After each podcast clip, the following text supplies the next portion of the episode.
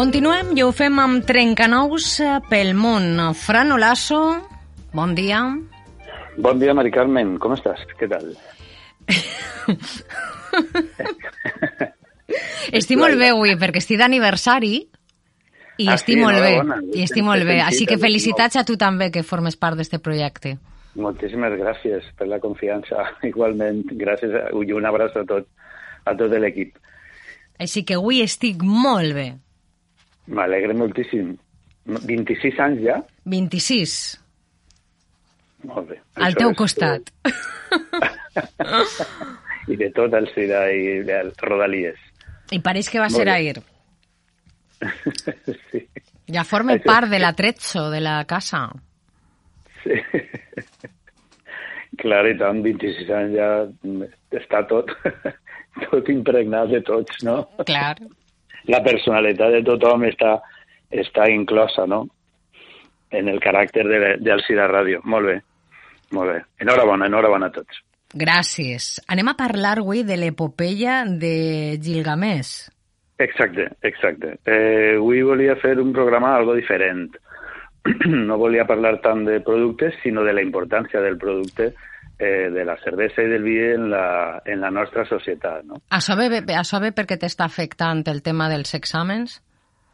Eh, en certa manera, sí. Ah, Sí, sí, quina intuïció, efectivament. Eh, això forma part d'un eh, treball que vas fer en, la, en el primer quatrimestre, era una assignatura que es diu Pensamiento del Pròxim Orient, en el que hi havia que llegir-se eh, una, bueno, uns dossiers, uns textos sobre la cultura eh, sumèria i acàdia escrita en mm, tablilles de fang.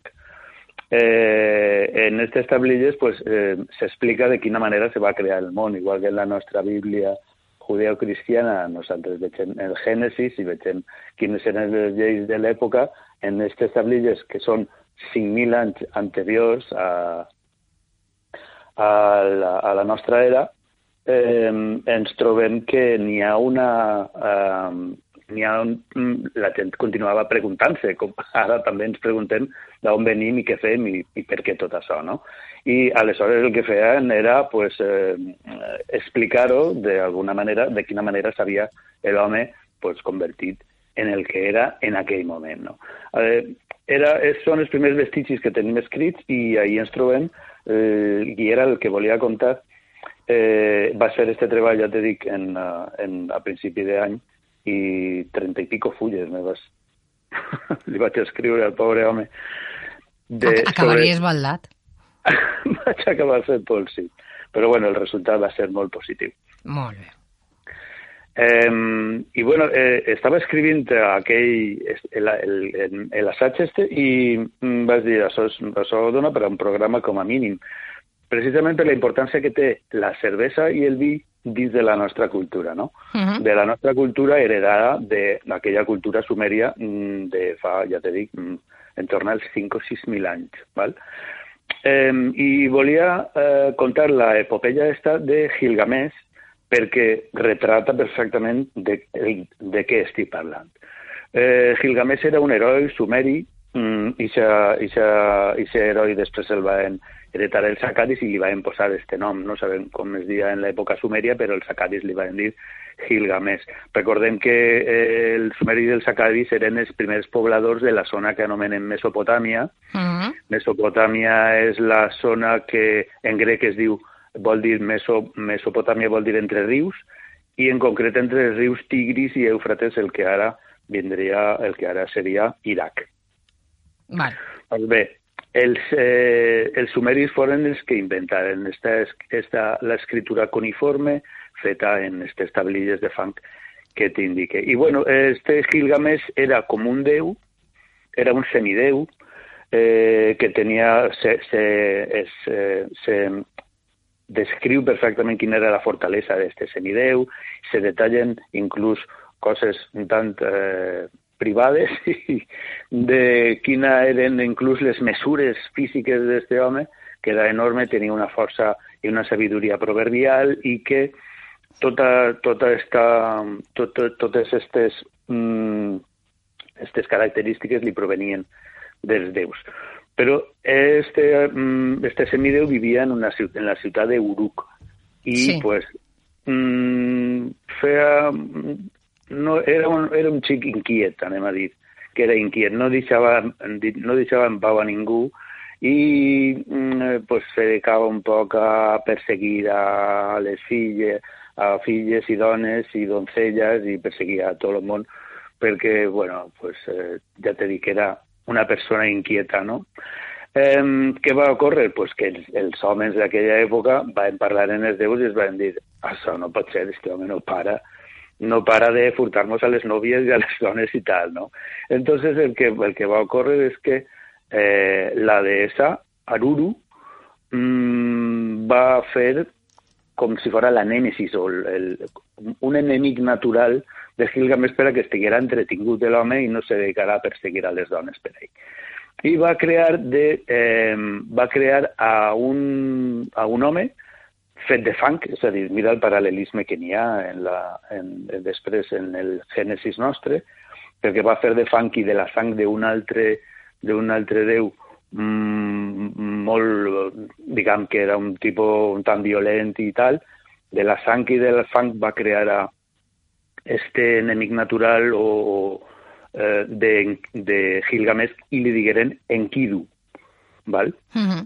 Este Enkidu estaba, se criaba salvaje per, per la muntanya, el van abandonar, estava en la muntanya i anava pues, en, el, en el ramant, en el, anava en els cèrvols i en les en el bestiar de la muntanya, propi de la muntanya, se criava en ells, abrevava en els rius i en les llacunes i menjava el que donava el, el, la muntanya i els camps i tal.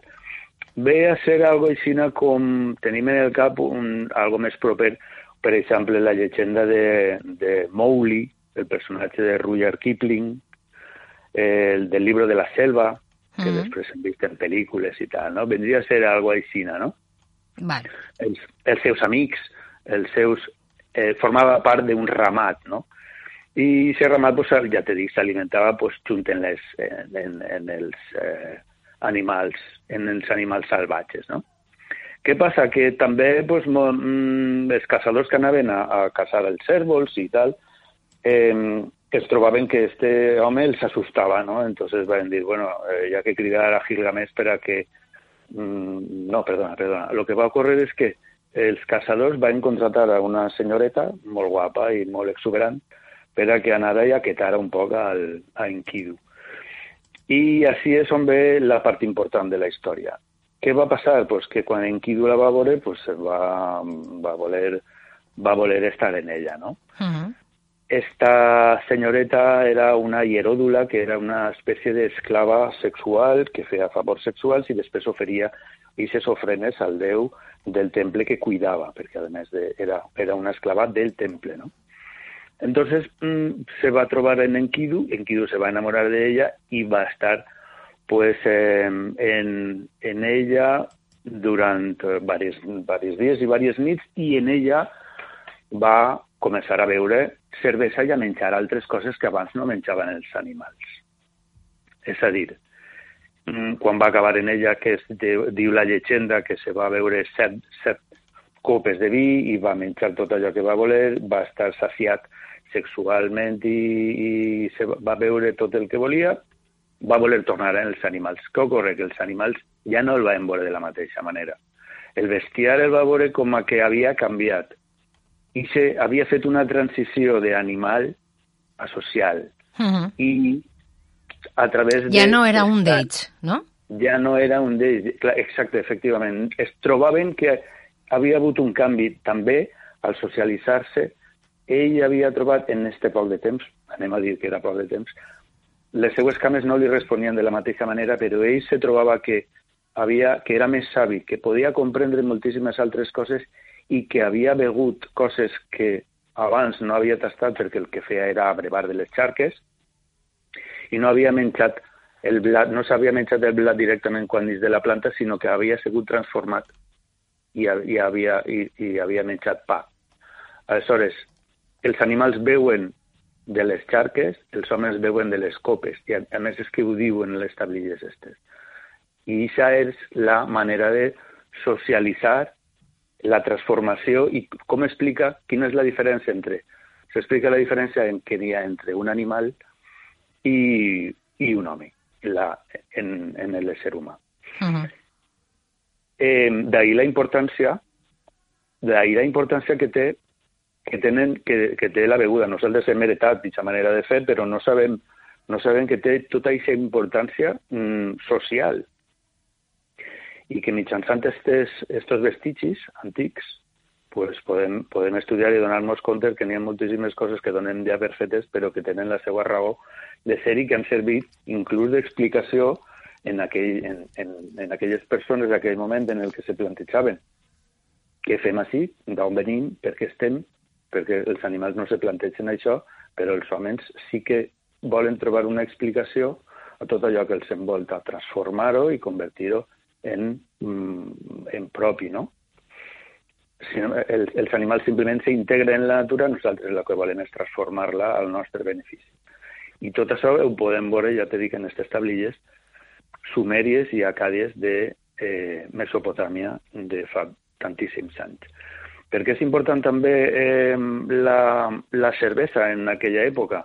Fixa't que mm, quan hi havia enterraments, per exemple, uh -huh. eh, està establert i tu pots llegir en les tablilles quina és la quantitat de cervesa que li tens que pagar a l'enterrador després d'haver fet la seva feina.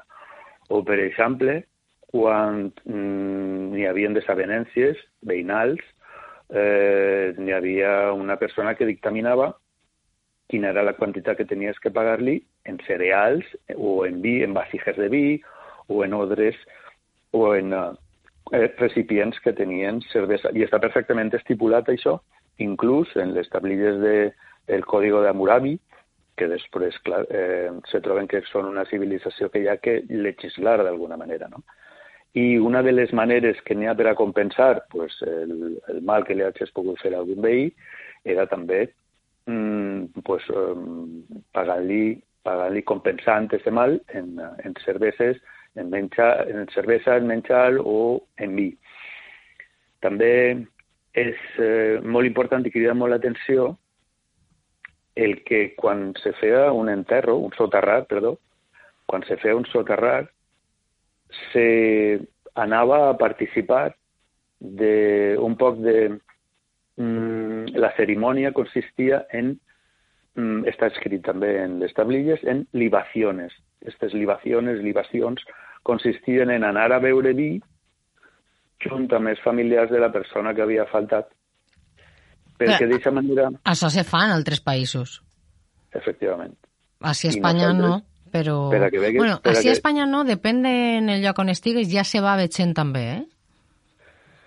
Sí, sí, s'ofereix s'ofereix algo de menjar, s'ofereix sí. algo, algo de beure, mmm, per a que vegues la importància que té, que nosaltres moltes voltes donem per fetes algunes coses, però que tenen un, un fons un fons anterior Home, clar, que eh, eh, de la nostra cultura. Clar, que estem parlant de fa 5.000 anys, però és que, que què ens ha passat ara amb la pandèmia? Quan ens han tancat a casa, quan ens han tancat eh, els bars, els restaurants, mm. quan no ens han deixat eixir al carrer, eh, no, vam, no podíem suportar-ho. Era una cosa que, que després t'has acostumat un poc, però, però no. Clar, necessitàvem socialitzar-nos. I al final socialitzàvem sempre a través de les pantalles.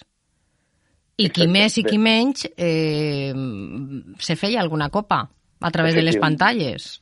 Ahí anava, ahí anava jo t'he llegit el pensament una volta, una volta més. Efectivament, quan el que volies era fer-te una cervesa en els amics i xerrar, i com no podies estar físicament mirant-los, tocant-los, o, o, o brindant, el que, el que feies era virtualment socialitzar-te d'aquesta manera. Per què? Pues perquè necessitem ixa, ixa, mm, estar en l'altre, perquè del, al estar en l'altre, mm, d'alguna manera ens, ens sentim com, mm, mm, un poc eh, confort, eh, com, com diria, eh, reconfortats, no? Sí. Dir, estem, en, estem en, en algú que ens comprèn, en el que podem parlar, que parla el mateix idioma privat. Les del, penes del, compartides del són menys penes, no? Així, així és, i el que fèiem que era, pues, fer-nos una copa de vi mentre estàvem xerrant amb els amics sí. mitjançant la pantalla, no? Uh -huh. Doncs eh, este era el motiu per el que volia contar aquesta història, que ja te dic... La Està molt xula, avui, avui és més que mai trencanous pel món, eh? I pel temps. Sí, sí. Sí, sí, me va agradar molt i vaig pensar que era, un, era un, una bona història per a contar perquè parlava de cervesa, parlava d'història i parlava també de, de, de tot vi. allò que... de vi, de, de, de socialitzar-se, i, i li, donava, eh, li donava importància a tot, a tot això que fem nosaltres un poc mm, de manera mecànica, no? Obres una botella de cervesa però no te dones compte que darrere n'hi ha una història antiquíssima i importantíssima de què significa aquesta cervesa que ens estem beguent. Nosaltres ens la beguem i prou, però resulta que això és un símbol de la nostra capacitat social humana. Ara que sí que, que hi ha, Fran, algunes cerveses, igual que botelles eh, de vi, que a través de les seues etiquetes ja eh, podem un poc eh, adivinar aquesta història, no? Sí. Que jo no sí, vull, vull acabar el programa eh, sense que ens recomanes eh, una cervesa U2 i, i hi ha algun vi de trencanous, no? Ja que em parla de cervesa i vi.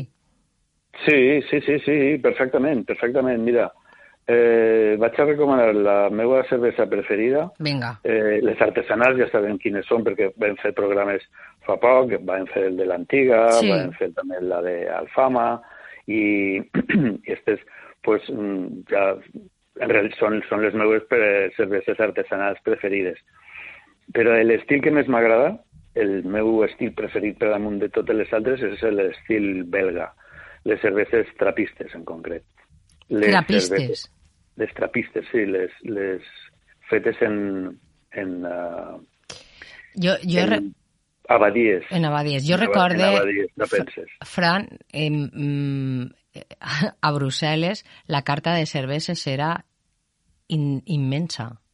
O sea, sí, es que sí. n'hi havia tanta, tanta, tanta varietat que dius, Realment bueno... Ya, sí, al final le dius, eh, no sé, tráigame lo que quiera. O sea, es que no, no, no claro, y dic, jo què sé, no? Si total sí, jo volia una cervesa. És la millor manera, preguntar-li a qui és expert, clar. Nosaltres vam fer, recorde, recorde que vam fer un programa parlant de, de la Delirium, quan vam estar en Delirium Tremens en, en Brussel·les, Bueno, no sé què està passant en, sí. Eh, en, así en el claustre de la Casa de la Cultura. Mm, per un moment, no, per un moment pensava que aterrava una nave espacial o algo, però no, no sé, no sé exactament. No sé. Haver, haver sigut un punt final fantàstic, no? Estava parlant de Mesopotàmia, després ens hem traslladat sí. a, a, a este temps i, després, i, i en aquest moment aterra una nova espacial que ens, ensenya quin serà el futur, no?, tal volta. Eh, T'ho imagina't que ix uh, aterra la nave espacial i me ix un extraterrestre en una botella de cervesa. Hola, marica. ya me quedé ya... Vengo del futuro. Mira vengo de, vengo del futuro a traerte un regalito. Esta es la cerveza que tú ya no llegarás a beber. Haver sigut arredonir el programa fantàstic, no? Exacte. una, manera fantàstica de En fi, bueno, va, recomanes la cervesa que no t'he deixat. Sí, pues sí, la, qualsevol cervesa trapista m'encanta. Vale. Parle de la Chimay, parle, per exemple, de la Lefe o la Cubé, la, o de, per exemple, la Westmalle o la Westbletteren, són cerveses que m'apassionen i quan en els moments en un dissabte, en una cervesa normal de supermercat, no té plena. A mi, ja que celebrar tots els dissabtes, i els, i els celebra d'aquesta manera, en una cerveseta o en un vi. Quin vi, seria? Pues a mi me agrada molt, el, per exemple, l'Abadia Retuerta. Mm, Abadia Retuerta. Me encanta, es un Ribera del Duero uh -huh. de una bodega de una bodega que té allí un es, inclús un spa en la, en la bodega que és una... És un spa de vi? és un spa de vi. Te claves dins del pues, vi? no. Ah. Però estaria fantàstic. És que jo he vist spas de cervesa i de vi també. Sí, sí, bueno. sí, te claves dins. Mm, no sé si això pot ser molt saludable, no? Vaig investigar-ho. Sí, que té les seues propietats, investiga, sí. Però no abrigues la boca, no te el vegues. Jo me sé un xiste sobre això, ja te'l contaré un dia. Anem a recordar la manera de comprar a Trencanous? Sí, pues eh, cridant, per exemple, al, al, telèfon, al telèfon 662 62 1328 o mitjançant les xarxes socials, eh, trencanous.com i en la plataforma cirascomercio.com. I el saló de té. Eh, I el saló de té, efectivament. Perfecte. Eh, es pot contactar, obrim la tenda, això ocorre pràcticament tots els dies. És a dir, eh, n'hi ha gent que diu, és que me sap mal que vingues. Dic, pues no te sàpia mal perquè és la meva feina. Exacte. Així que man, manen feina, sense problema. Perfecte. Frank, que passes un bon dia i una molt bona setmana, un bon cap de setmana. Gràcies, gràcies, un beset i enhorabona una altra volta pels 26 anys d'èxits. Gràcies, Fran. Adéu. Adéu, bon dia. Adéu, adéu.